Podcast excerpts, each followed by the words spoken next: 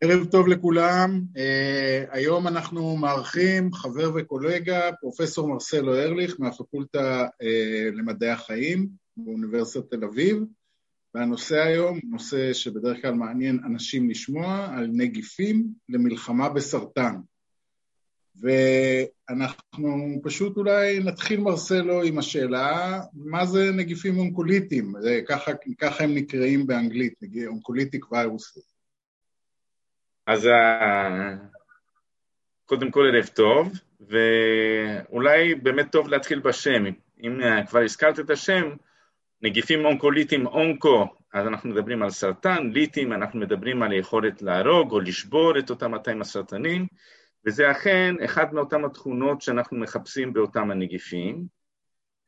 היום כשאנחנו חושבים על נגיפים אונקוליטיים, ניתן אה, אולי לקטלג את זה כאחד מן השיטות של האימונותרפיה שהם נמצאות תוך כדי פיתוח נכון דיום, כאשר כשאנחנו מדברים על אימונותרפיה בסרטן, הרעיון הוא uh, בעצם uh, להכתב מחדש או להפנות או לחזק את התגובה האימונית כנגד הגידול הסרטני.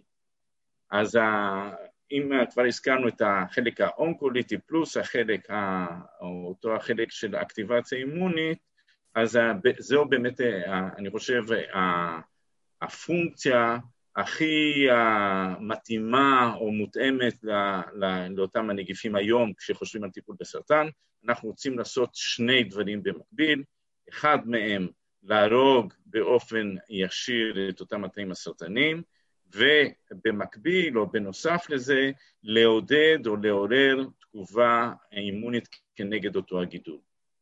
כלומר, במילים פשוטות, אה, אנחנו לוקחים נגיפים, תכף נדבר איזה, ומנסים אה, לכוון אותם אה, לתאי הסרטן, ואתה אומר, בכך אנחנו משיגים אולי שני מטרות, שתי מטרות, אחת זה שתאי הסרטן עצמם נדבקים ומתים בגלל ההדבקה הווירלית, וגם אנחנו מצליחים לעורר את מערכת החיסון, אולי, כנגד התאי הסרטן. אגב, אני לא אמרתי כשהצגתי אותך, שהמומחיות שלך זה, אה, נקרא לזה אולי התא הסרטני, כל מיני תהליכים שקורים בתא הסרטני, ועם השנים גם הצטרפת אלינו הווירולוגים.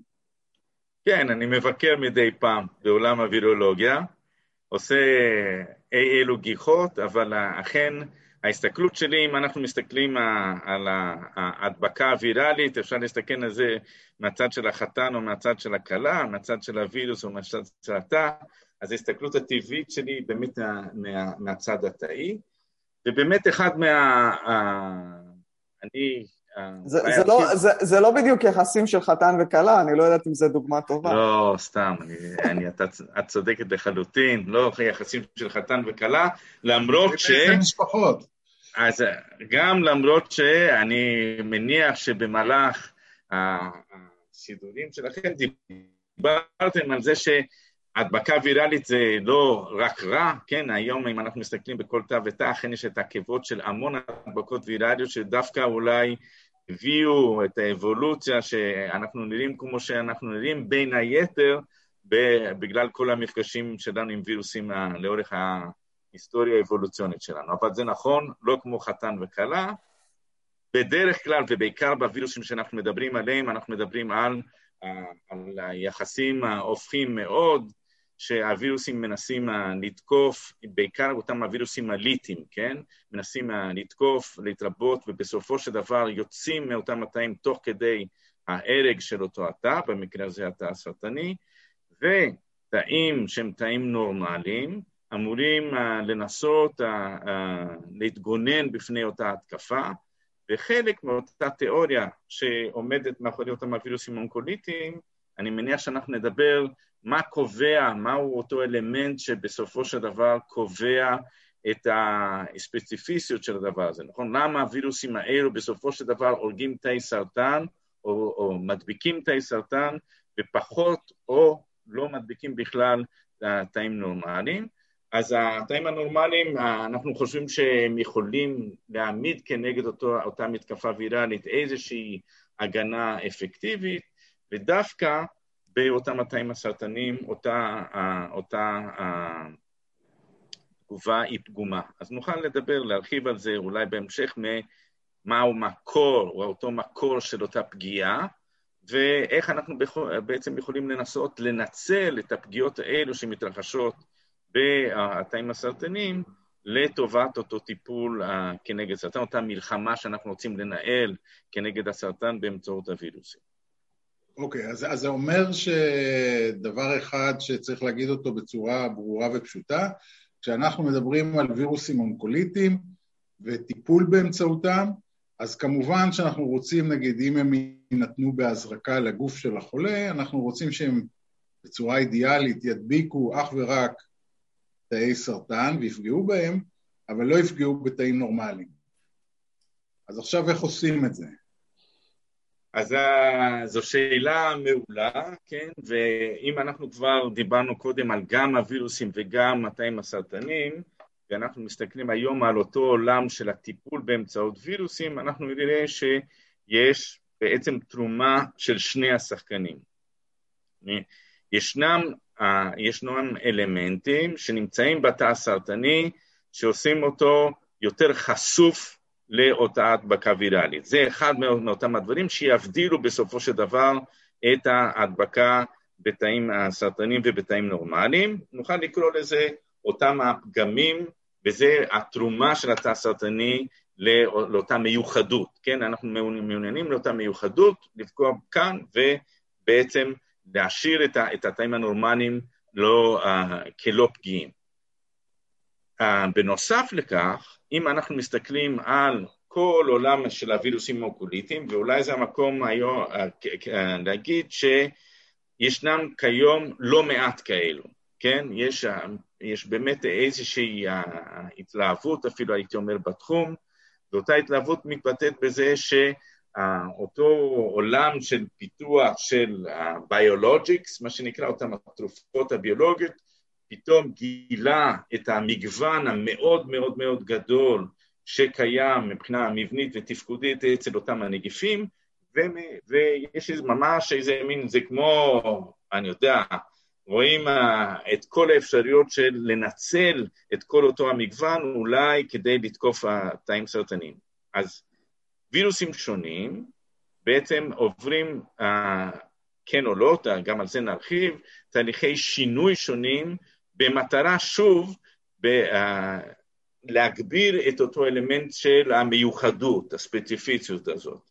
אז חלק מהספציפיציות קיים בתא הסרטני, חלק מנסים באמת להקנות לאותם הווירוסים uh, את היכולת להדביק בצורה יעילה ביותר התאים הסרטנים, תוך כדי שהם uh, מאבדים את, uh, מאותם היכולות להדביק את התאים הנורמליים. בעצם להרחיב את אותו ההבדל, כן, שהוא מאוד מאוד עקרוני אם אנחנו מדברים uh, במצבים טיפוליים.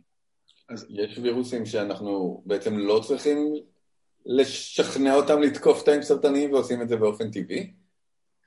אז, אז uh, כמובן ש, שיש גם כאלו, כן? יש וירוסים uh, ו, ומנסים uh, להשתמש גם בהם, ושוב, ייתכן שאותם הווירוסים דווקא חלקם הם יהיו יותר מסוגלים לנצל את, ה, את אותם הפגמים הקיימים בתאים הסרטנים.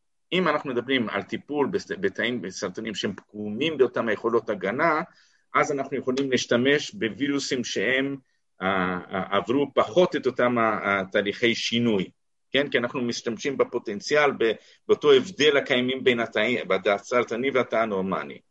ויחד עם זה, אז אחד מאותם הכיוונים זה באמת לחפש נגיפים שהם חסומים מאוד בתאים הנורמליים, כן? הם כאילו ממש לא מסוגלים להתמודד עם תאי אדם נורמליים, וכן מסוגלים להתמודד אה, עם התא הסרטני ש, שהוא פגום.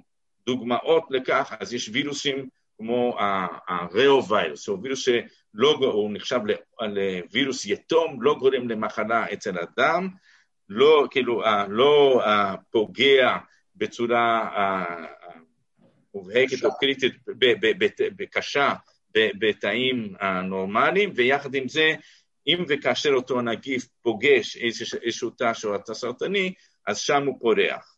אז דוגמה, דוגמה נוספת זה וירוסים שיכולים להיות וירוסים מעולם החי. למשל, ה-Newcastle Disease וירוס, וירוס של תרנגולות, ה-VSV וירוס, זה, אני מצטער אם אני זורק שמות שנמצאים כאילו כמו הסיני טיפה, אבל אלו שמות של אותם הנגיפים, וירוס מעולם של הסוסים או, או חיות אחרות. אנחנו דווקא עובדים בין היתר במעבדה עם וירוס שמדביק מעלה גרה באופן טבעי, אז אלו לא מחלות אדם, הפירוש שהם לא מחלות אדם זה שהווירוסים האלו לא מסוגלים להדביק תאי אדם נורמליים, ויחד עם זה, אם התאי סרטן הם פגומים, אז כן, אה, יש אותו הווירוס המדביק והורג ופורח באותה סביבה. אני רק רוצה, אני מצטער על התשובה הארוכה, אני רוצה בכל זאת אה, להשלים. אה? לא, להשלים. יש לנו זמן. בואו ניקח לדוגמה, אופ, סבבי. אוקיי, אז בואו ניקח לדוגמה מצב שהוא פחות קיצון. נגיד תא סרטני, שהוא סרטני, אבל הוא לא עבר את אותם, את אותם הפגמים ביכולת שלו להתגונן בפני נגיפים, ובכל זאת אנחנו נרצה לטפל באותו תא סרטני באמצעות נגיפים.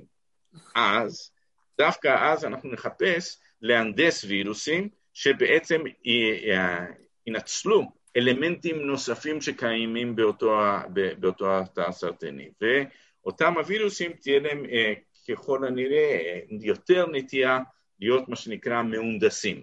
כן, אנחנו מהנדסים אותם, שינצלו האלמנטים שקיימים בתא הסרטני ולא בתאים אחרים, במטרה, שוב, לקיים את אותו ההבדל. חייבים לקיים את אותו ההבדל של, ה, של להרוג את התאים הסרטניים ו... להציל או כאילו לא, לא לפגוע בתאים הנורמליים. אה, אתה יכול אולי לנסות להסביר במילים פשוטות מה כוללת ההנדסה הזאת? מה... אז הנה, מה... דוגמה כאילו פשוטה יחסית לנושא? אז, אז מה, מה יכולה לכלול את, את, את, את, אותה, את אותה אה, הנדסה? בואו ניקח, אה, נחשוב על מקרה של תא סרטני, שאחד מאותם הדברים שדוחף את הסרטניות שלו אתה, זה אה, בעצם תוכנית גנטית מסוימת.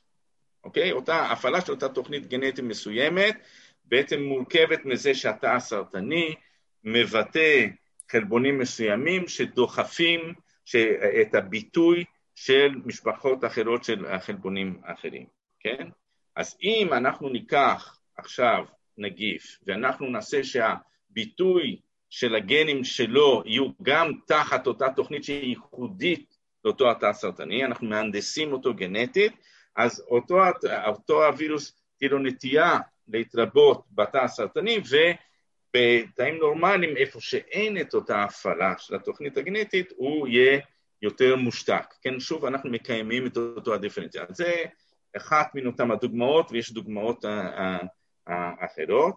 דבר שני שאפשר לנסות לנצל זה למשל נגיפים שתלויים בתכונות שהן אולי יותר מורכבות של תאים סרטנים. למשל, תאים סרטנים זה תאים שמתרבים הרבה, כן? כאילו זה אחד מאותם אלמנטים שאנחנו מזהים עם סרטן, זה ההתרבות הבלתי נשלטת של, ה, של, של התאים. אז אם אנחנו נשתמש בווירוסים שיכולים רק לפרוח בתא שמתרבה ולא יכולים לפרוח בתא שאינו מתרבה, שוב אנחנו uh, מקיימים איזשהו uh, דיפרנציאל, הבדל בין, בין, בין, בין, בין שני המצבים. לרוב, מה שקורה היום, אם כבר נכנסים לאותו התחום של האינדוס של אותם הנגיפים, אז מנסים uh, uh, לנצל, להקנות יותר ממחסום אחד, כי המחשבה היא שאם אנחנו נהיה תלויים רק במחסום אחד קטן, כאילו שמבדיל בין שני התאים, אז הווירוס בעצם יכול להשתנות בכיוון הזה, אבל אם uh, בעצם מוסיפים כמה וכמה uh, אלמנטים כאלו, אז הווירוס נהיה בטוח יותר. אלא מה? אלא כמו שאתם וירולוגים יודעים הרבה יותר טוב ממני, הווירוסים עברו תהליך אבולוציוני להיות יעילים כמו שהם, כן?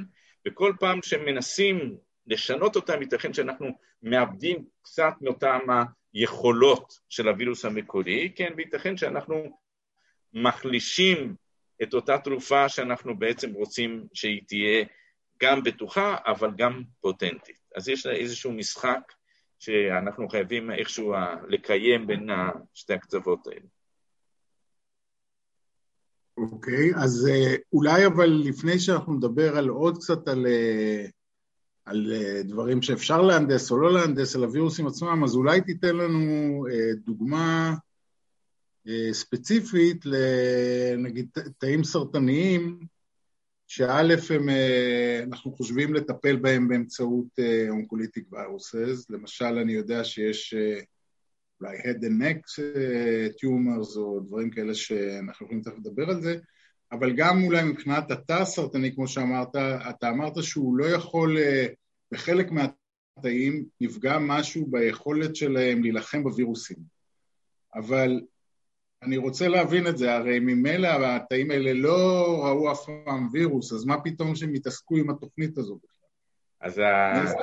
אז השאלה באמת מעניינת. אז אני, גם כשאני מדבר על הנושא הזה עם, עם הסטודנטים, עם התלמידים, אז אני אומר שכאשר הגידול מתחיל להתפתח, יש לו, לא עלינו כמובן, to do list, מה הוא צריך לעשות כדי להיות גידול מוצלח מבחינת, מבחינת עצמו. מבחינת הגידול. כן, מבחינת הגידול, כן, לא מבחינת הפציינט כמובן. אז אחד מאותם הדברים שנמצא ב-to-do הגידולים צריכים לברוח ממערכת החיסון. עכשיו, למה הם צריכים לברוח ממערכת החיסון? כי מערכת החיסון נועדה להבדיל בין עצמי ולא עצמי, אז כמובן שנגיפים המדביקים תאים נמצאים בצד של הלא עצמי, כן? ואז המערכת החיסון אמורה להכיר ולטפל בבעיה, אבל גם תאים, תאים, תאי סרטן שעוברים תהליכים של מוטציות, מוטציות, פירוש של הדבר זה שינויים החלים על גבי אותם החלבונים של אותו התא, אז מהרגע שאותם השינויים חלים הם שונים מהחלבוני מקור והם הופכים להיות לא עצמי, מערכת החיסון אמורה לתקוף ולטפל בעניין הזה, התופעה הזאת בכללה היא נקראת אימיונוסרוויילנס, אנחנו מדברים מין שמירה, ש, כן, אזורית, השגחה, כן, השגחה שנעשית על ידי מערכת החיסון, והתאי סרטן צריכים לברוח מזה. ואם אחד מאותם... אז מרסלו, בוא נגיד לקהל המאזינים שהם לא אה, אה, בעניינים שזה, שאולי זה נשמע להם משונה, כי תמיד הרבה פעמים מדברים על מערכת החיסון בהקשר של להילחם בכל מיני וירוסים או חיידקים, אבל מה שאתה אומר בעצם שלמערכת החיסון יש תפקיד נוסף, שהיא כל הזמן צריכה לנטר, לשמור, לבדוק את התאים בגוף, ואם היא רואה, וכשהעסק עובד מבחינת הגוף שלנו, כשהיא רואה תא סרטני שבהתהוותו, אז היא גם אמורה לטפל בו ולהשמיד אותו. נכון? כן, כן, בדיוק, ככה זוהי התוכנית, כן, זו ההשגחה האימונית, או באנגלית אותו אימיון סובלנס. אז התאי סרטן צריכים לברוח מזה, כן? צריכים בסך הכל לנטרל את ה, או את המנגנונים שבהם הם מעודדים, מעוררים את אותה תגובה, או אפילו לפתח מנגנונים של לדכא באופן ישיר את האלמנטים של מערכת החיסון שפועלים עליהם באותו המצב של, של ההשגחה האימונית. עכשיו, המנגנונים שמאפשרים לתא הסרטני לברוח מאותה השגחה אימונית, בעצם חופפים עם אותה יכולת של אותו הסרטני להתגונן בפני נגיפים. כי זה, ככה זה קורה באופן טבעי, נכון? כאילו אותה, אותה יכולת של התא מודבק לעורר את, ה, את המערכת החיסון, שבסך הכל תטפל גם בתא מודבק, היא בעצם דומה ליכולת, לאותם המנגנונים של התא סרטני לעורר את המערכת החיסון. אז מהרגע שהתאים הסרטנים מכבים, את, או, או גם מכבים את אותם היכולות וגם מתחבים, כן, מהמערכת החיסון, התופעת לוואי של הדבר הזה, וכמו שאתה באמת הזכרת, זה תופעת לוואי, כי הם, הם לא ראו נגיפים, הם, הם לא מתמודדים עם נגיף באופן ישיר, אבל התופעת לוואי של אותה בריחה ממערכת החיסון, היא בעצם גורמת לכך שהם יכולים להיות פגיעים יותר uh, להדבקה נגיפית. כלומר שהרעיון של השימוש בווירוסים אונקוליטיים בין השאר נשען על תהליכים טבעיים שקורים לתא הסרטני והבריחה שלו ממערכת החיסון, שחושפת אותו עכשיו להיות פגיע יותר להדבקות ויראליות, להדבקות של נגיפים, ושוב פעם, זו תוצאת לוואי, אבל שאנחנו מנסים בצורה מושכלת לנצל אותה. ממש כך. אז, אז הזכרת שאחת המטרות של הנגיפים האונקוליטיים זה גם להאיר את מערכת החיסון, ומצד אחד אתה אומר שבסרטן מערכת החיסון מדוכאת, אז איך זה מסתדר? אז הנה, זה, זה באמת, זו שאלה מעניינת מאוד, והיא מביאה אותי uh, ל, לאחת המחשבות שכשאני גם חושב על זה וגם מדבר על זה, זה יש לזה איזשהו, uh, אני יודע, אלמנט uh, מקאברי קצת, אבל אנחנו גם על זה צריכים לחשוב. אם אנחנו חושבים על, על ההתפתחות של מערכת החיסונית שלנו, היא בעצם נועדה הרבה יותר להתמודד עם פתוגנים מאשר עם סרטן. בין היתר, כי אנחנו, כן, בהתפתחות של כל אחד מאיתנו, עד הגיל שאנחנו עוד מתרבים, נחשפים להרבה מאוד פתוגנים והמערכת החיסון צריכה לשמור עלינו עד שאנחנו נתרבה בצורה אבולוציונית, כן? ויחד עם זה, המחלה, מחלת הסרטן לא מעט פעמים היא מחלה של אנשים הזקנים יותר. אז האבולוציה פחות התעסקה אולי עם התמודדות של מערכת החיסון כנגד סרטן, התמודדה מאוד של ההתמודדות של מערכת החיסון כנגד פתוגנים שונים כגון וירוסים. אז אם אנחנו, רק כדי לנסות אה, באמת אה, אה, להתייחס למה שאתה אמרת, אם אנחנו מצליחים בעצם להביא לסביבה של הדבקה בסביבה הסרטנית עצמה, אז המחשבה היא שלזה המערכת החיסונית נועדה והיא תוכל להתעורר אפילו אם אותם התאים הסרטנים או הסביבה הסרטנית הייתה סביבה מדכאת מלכתחילה. זה באמת לעשות טוויסט, כן? סביבה שהיא יכולה להיות סביבה קרה, כן, כמו שהיא מכונה, כמו שמכנים אותם, אותם הסביבות הסרטניות מבחינת הפעילות של המערכת החיסון, אז הווירוסים האונקוליטיים יהפכו את אותה סביבה קרה לסביבה חמה, כן, סביבה שיש שם הרבה מאוד פעילות ואותה יכולות של המערכת החיסון להרוג תאי סרטן מתעוררת מחדש. אוקיי, okay, אז עד עכשיו אנחנו דיברנו גבוהה גבוהה ודברים מאוד כלליים. תכלס, מעבר למחשבות המעניינות האלה, יש איזושהי הצלחה בתחום? מה הסטטוס? יש בכלל משהו מאושר? מה, מה קורה עם זה? אז יש משהו שהוא נגיף שהוא על בסיס ההרפס, שעבר את כל התהליכי האישור של ה-FDA, בין היתר לטיפול במלנומה, כן?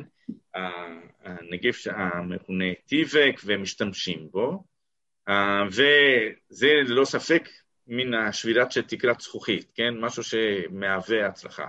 יחד עם זה... זה הנגיף הראשון והיחיד בעצם, בעולם המערבי לפחות, שהוא קיבל לשימוש. לשימוש, לש, לשימוש רגיל, יש, יש אחרים שזה לשימוש חירום, כאילו יש כמה סוגים של כן, האיש... אבל הוא באמת שימוש ה... רגיל שעבר FDA. ו... כן, כן, אבל לשימוש חירום יש, ישנם נוספים, ולמען האמת, אם אנחנו היום נכנסים למאגרי המידע ומחפשים uh, כמה ניסויים קליניים של ממש כבר בשלבים מתקדמים uh, מבוססים על שימוש בנגיפים אונקוליטיים, אז יש כבר ממש לא מעט. אז הצפי הוא שבקרוב מאוד תהיה, uh, יהיו יותר ויותר uh, אישורים uh, של טיפולים כאלו.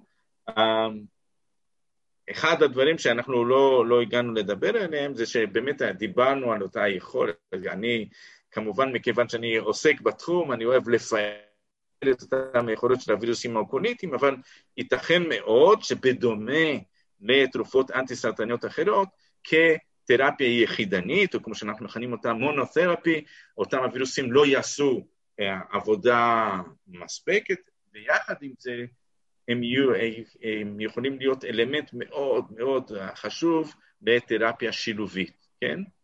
בוא נגיד, נגיפים אונקוליטיים בתוספת של אימונותרפיות אחרות, נגיפים אונקוליטיים בתוספת. לכימותרפיה. אז השילובים האלו הם גם הם מאוד מעניינים, כי הם יכולים להביא למין מתקפה מכיוונים שונים אל אותם, אל, אל אותם הגידולים, וזה יכול להיות מאוד מאוד חשוב למין הצלחה קלינית יותר מבוססת. יש, יש איזו שאלה שערן התחיל לשאול אותה, ואני לא, לא זוכרת שענינו עליה, אולי, אולי זה אני. אה, אם יש איזשהן אינדיקציות אה, מסוימות, סוגי סרטן מסוימים שמתמקדים בהם עם הנגיפים האונקוליטיים, במיוחד, או זה מתאים במיוחד לסוגים מסוימים של... אה, אז, אז כך, אז בואו נדבר על אם אנחנו מגיע, מצב דמיוני שמגיע פציינט עם סוג מסוים של סרטן ואנחנו רוצים לטפל באותו הנגיף האונקוליטי. המקרה הכי קל אולי לחשוב עליו, אלו סרטנים שהם בעצם נגישים מבחינה טיפולית או כירורגית, דוגמה מלנומה, סרטן עור, כן, זה נגיש, או כמו שערן הזכיר, אותו סרטן head and neck, כן, שהם סרטנים שנמצאים בקרבת החלקים החיצוניים של הגוף, והם נגישים כי, כי המטרה... להזרקה ישירה, להזרקה ישירה של אותם, של אותם הנגיף. כי המטרה, כי המטרה היא לא לתת את הנגיף סיסטמי, אלא להזריק אותו לתוך הגידולים עצמם? אז תכף, זה, זה נכון, זו הייתה המחשבה הראשונית, כן?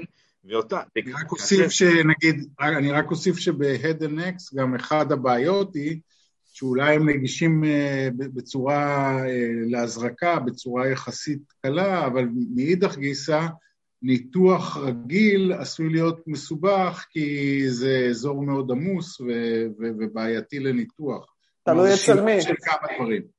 תלוי אצל מי. כן. כן. כן. כן. אז, אז כן. המחשבה היא ש... כן, שאם דיברנו על אלמנטים שבעצם מעודדים את אותה תופעה של ספציפיסיות, נכון? כאילו אנחנו רוצים לפגוע בגידול ולא ביתר הגוף, אז ההזרקה הישירה זה אחד מאותם הדברים שעוזר לנו להבין איך אנחנו בעצם uh, נותנים תעדוף, כן, של התקפה של, של הגידול לעומת יתר הגוף. אבל הרושם שלי, וזה ייתכן שזה משהו שהוא אבסטרקטי, כאילו זה מין דעה אישית שלי, זה שהמחשבה הזאת בעיקר התבססה כאשר הרעיון היה שהווירוסים האלו פועלים בעיקר על ידי הרג ישיר של אותם הגידולים. כי נכון דהיום, המחשבה היא ש... בעצם הנגיפים האלו, מכיוון שהם מעוררים בסופו של דבר תגובה חיסונית כנגד הסרטן, הם יכולים גם להשפיע על גידולים שנמצאים מרוחקים מאותו הגידול שישירות כנגדו, כן, שהזרקנו בעצם את הנגיף ישירות באותו הגידול. בעצם נדמיין... בגרורות. ואז יכול לטפל או, ב, או בגרורות או בגידולים שהם נמצאים, כאילו, גידולים מרוחקים, אבל הרעיון היה זה שאפילו במצבים איפה שמתן הנגיף יהיה מקומי, נוכל לקבל uh, uh, בעצם תופעות או הגנה שהיא יכולה להיות הגנה יותר סיסטמית. אז השאלה הייתה אם אנחנו בעצם, כשאנחנו מסתכלים על, ה, על הטיפולים בנגיפים, האם אנחנו מדברים רק על, כאילו, האם יש אינדיקציות שהן יותר מועדפות כאן, נכון להיום, והאם זה קשור לנגישות של אותם, של אותם הגידולים. ודיברנו על אותם הגידולי מלנומה וגידולי הד ונק, שהם נמצאים בעצם נגישים להזרקה ישירה של הנגיף, ואני אמרתי שנכון להיום חושבים כמובן על אותו אלמנט של להזריק ישירות, וזה עוזר לנו להבין איך תהיה לנו את אותו אלמנט של ספציפיסיות, כן, מזריקים בטומול ולא בכל, בכל הגוף, עוזר לנו להכווין הנגיף לאותם תאי גידול באופן מועדף, אבל אמרתי שהרושם שלי הוא שהמחשבה הזאת היא יותר התאימה כאשר חשבו על אותם הנגיפים, על, ה, על הרווח הטיפולי של אותם הנגיפים,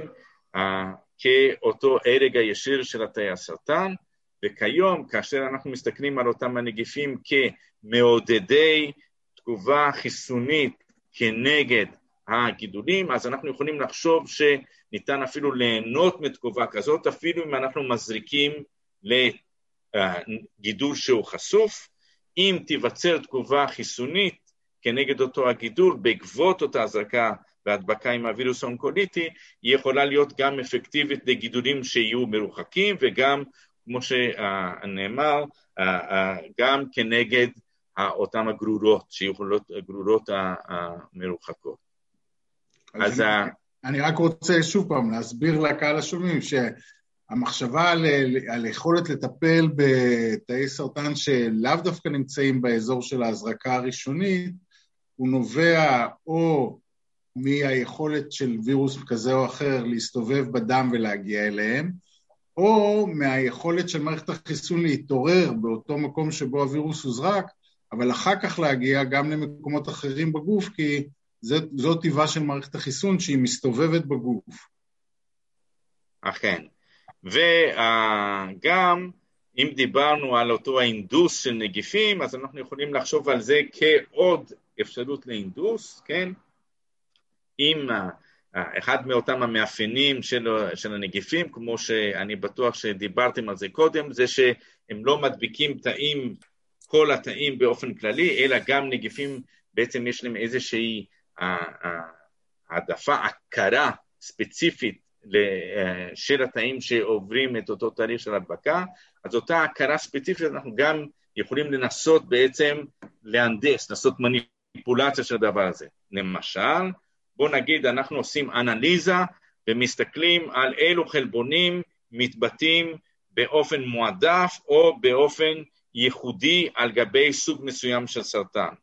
בהינתן ואנחנו נוכל עכשיו ליצור איזשהו חלבון, נוגדן או uh, משהו כאילו שמכיר ספציפית את אותם החלבונים המבוטאים על גבי התאי הסרטן, ובהינתן ונוכל להנדס נגיף שישתמש באותה הכרה ספציפית על מנת להכיר אך ורק את אותם התאים ולא תאים אחרים, אז אנחנו יכולים לדמיין מצב איפה שאנחנו מזריקים את אותו הנגיף בסיסטמית, הוא מסתובב לנו בגוף, אבל הוא מכיר ומדביק באופן מאוד מאוד מאוד מועדף את אותם מטעי הסרטן. אוקיי, okay, אני חושב שאנחנו די uh, דיברנו וגם די זמננו עבר, אבל בכל אופן אולי אפשר להזכיר uh, לסיום עוד משהו שהיה חבוי במה שאתה אמרת, כן, שדיברת על מונותרפי וכולי, אז איזה מחשבות יש למשל, איך אפשר לשלב את הטיפול בנגיפים אה, אונקוליטיים עם איזה טיפולים אחרים למשל? אז הנה, אז אחת המחשבות, אני אוהב לדמות לפעמים טיפול כמו נסיעה באוטו, כן? אז אם אנחנו נוסעים באוטו, יש לנו את דוושת הגז ויש לנו את הבלמים, ואם אנחנו רוצים שהאוטו ייסע מהר, יש לנו שתי אופציות, או להוריד את הבלמים או ללחוץ על דשת הגז. אז טיפולית עכשיו בעצם אה, אה, נדמיין את הטיפול שלנו כאותה נסיעה במכונית, כן? אם אנחנו אז אה, מנסים להביא את אותה מטאפורה לאותו מצב, אז הווירוסים יכולים להשתמש כדוושת הגז, כן? כאילו של לעורר את התגובה החיסונית כנגד אותם התאי סרטן המודבקים. אבל על זה, עכשיו אנחנו יכולים להוריד את הבלמים. אז מתברר למשל שתאי סרטן מבטאים על גביהם, או אחד מאותם הדרכים לברוח ממערכת החיסון זה ביטוי של חלבונים שמדכאים את הפעולה של תאים של מערכת החיסון. ואחד מאותם התרפיות שמפתחים היום על מנת להתמודד עם התופעה הזאת, אלו נוגדנים שמנטרלים את אותה יכולת הדיכוי. ואם אנחנו עכשיו נחשוב על שילוב כזה, אנחנו יכולים להשתמש בווירוס כדי לעורר את התגובה, ואותם הנוגדנים כדי להפחית את ההתנגדות, ובעצם לעשות איזה מין החיזוק, כן, ש, של אותה אורקסטרה. תופעה. כן, אורקסטרה. הנה, מאסטרו, אורקסטרה, כן? וליהנות מה, מה-full blown potential, כן, כל היכולות של, ה, של הטיפול המשולב הזה. כן, ואולי אני חושב באחריות אנחנו צריכים להגיד שאנחנו מדברים על, לסיכום, על, על, על תחום שהוא מאוד מלהיב ושיש לו איזו הצלחה מסוימת, אבל אנחנו לא רוצים גם ליצור כרגע לפחות תקוות שווא. התחום הזה עוד נראה לי בחיתוליו מבחינה פרקטית, מבחינת טיפולים פרקטיים, ו... וצריך לשים את זה בפרופורציה, כן? זה לא שפתרנו את בעיית הסרטן באמצעות... ברור שלא, ברור שלא. זה, אז זה המקום להגיד שהרעיון הזה הוא רעיון שהוא קיים הרבה מאוד זמן, כן? יותר נכון. ממאה שנה קיימות, קיימת ההסתכלות, האובזרבציה שההדבקה ויראלית יכולה להפחית בסרטן. ואותו, ואותו התחום בעצם עבר איזה מין הרכבת הרים, כאילו בהתחלה התעניינו מאוד בעוד, אז שכחו אותו, אז התעניינו שוב פעם, ואז שכחו עוד פעם, אבל כיום אנחנו מגיעים אולי למצב איפה שישנה הבשלה גם של הקונספט של אימונותרפיה וגם של היכולות שלנו גם לבודד או להשפיע או להנדס נגיפים, וייתכן שבעתיד, וכאן המילה, המפתח אולי זה עתיד, נוכל לכן לפתח תרפיות שהן יהיו יותר יעילות, מבוססות בין היתר על אותם הנגיפים. עוד חזון למועד, אבל אולי זה, ה... זה הדרך. יפה מאוד. אוקיי, אז uh, עוד שאלות, אורן, אלה? לא.